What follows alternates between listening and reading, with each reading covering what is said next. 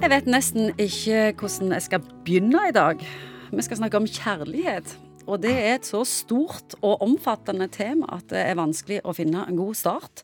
Psykolog Egon Hagen, hvordan i granskauen skal vi begynne når vi skal snakke om kjærlighet? Kanskje vi kan begynne i ekteskapet. Det er jo en relativt moderne konstruksjon at folk gifter seg. Før var ekteskapet mer knytta til juridisk overføring av verdier. Dette var en god måte å sikre ei slektsledd i forhold til å forvalte verdier. Noe av problemet med kjærlighet er jo at det er en følelse. Og følelser er jo på en måte grunnleggende volatile eller varierende. Det er kanskje noe av det vi ser i at så mange av oss som da gifter oss pga. kjærligheten, og ender opp med å gå fra hverandre. La oss definere. Hva er egentlig kjærlighet? Det kan være mange ting. Du kan ha kjærlighet til kona di, og så kan du ha kjærlighet til ungene dine. Så hørte jeg en på radioen her som sa litt at du, kan ha en djup form for kjærlighet, og det var kjærligheten til Viking. Og det mente han var annerledes enn kjærligheten til Oilers, for det var mer Men kanskje noe kjernepoenget. Kjærligheten handler noe om noe du vil og ønsker i forhold til en annen. Det handler ikke primært egentlig om deg. Det er At den andre blir så viktig for deg at uh, fokus og oppmerksomheten og lidenskapen din handler om å ta vare på den andre. Og Ofte når jeg har snakket med folk som på en måte kommer fordi at de opplever at kjærligheten ruster, så er det fordi at det blir en kamp om energien. Det blir egne interesser mer egentlig enn å ta vare på den andre. Og de som får dette til å blomstre, tror jeg er flinke til å ta med det andre perspektivet i alt. Se den andre. Og det er vel kanskje noe av det som er skjønnheten eller vakre egentlig i kjærligheten. Den handler om de andre, faktisk. Den andre. Er du sikker på det? Hvis du da er sammen med et neg av en partner, så kan du risikere at dette er et tapsprosjekt, at du pøser på og pøser på. Og jeg har hatt mange som har sagt det, som har trodd at de har kjærlighet til en partner, mens de egentlig har en kjærlighetsevne. Og så forveksler de de tingene der. De tror at eh, de følelsene de har sjøl, handler noe om kvaliteter med partneren.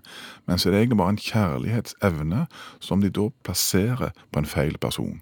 Hvis kjærligheten forsvinner, er det da mulig å finne den tilbake igjen? Jeg tror det hvis du Mange har jo brukt det faktisk som liksom det der endelige, avgjørende støtet for at nå det er slutt. Jeg elsker deg ikke lenger. Når folk trekker det kortet, så er det som regel fordi at de opplever at det er på en måte så infinitivt, at det er så ferdig. Da stopper alle andre spørsmål opp. Og Det ligger nok som en sånn en underliggende forståelse hos de fleste at kjærligheten er bakteppet for et langvarig forhold. Og Hvis ikke det er det lenger, ja, så er det grunnleggende problematisk. Men så er det jo sånn at uh, disse følelsene de vil jo òg variere gjennom et, et, langt liv. Og du, I perioder så vil du oppleve at denne følelsen, kjærlighetsfølelsen er mer dominerende enn i andre perioder. Nå, Hvordan oppfører han seg gjennom det? Nei, det er liksom, liksom står han av. og Hvis du blir veldig impulsiv og tenker at nå har det vært, har vært sammen i 25 år og hatt tre-fire dårlige måneder, så er det lurt også å hvile seg litt på denne lange rekka av gode ting som du har, de gode opplevelsene.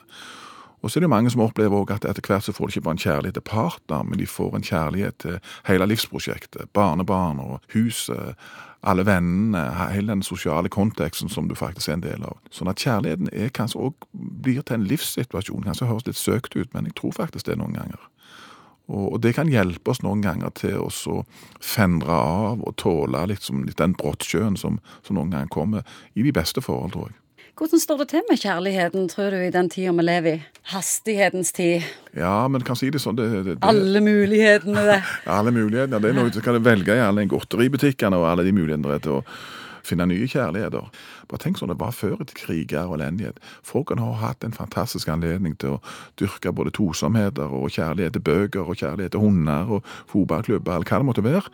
For vi har hatt en fredelige tid. Så vi har hatt anledning til måte, å boltre oss i disse gode sidene av livet. Jeg tror vi har gode forutsetninger for å dyrke kjærligheten, faktisk.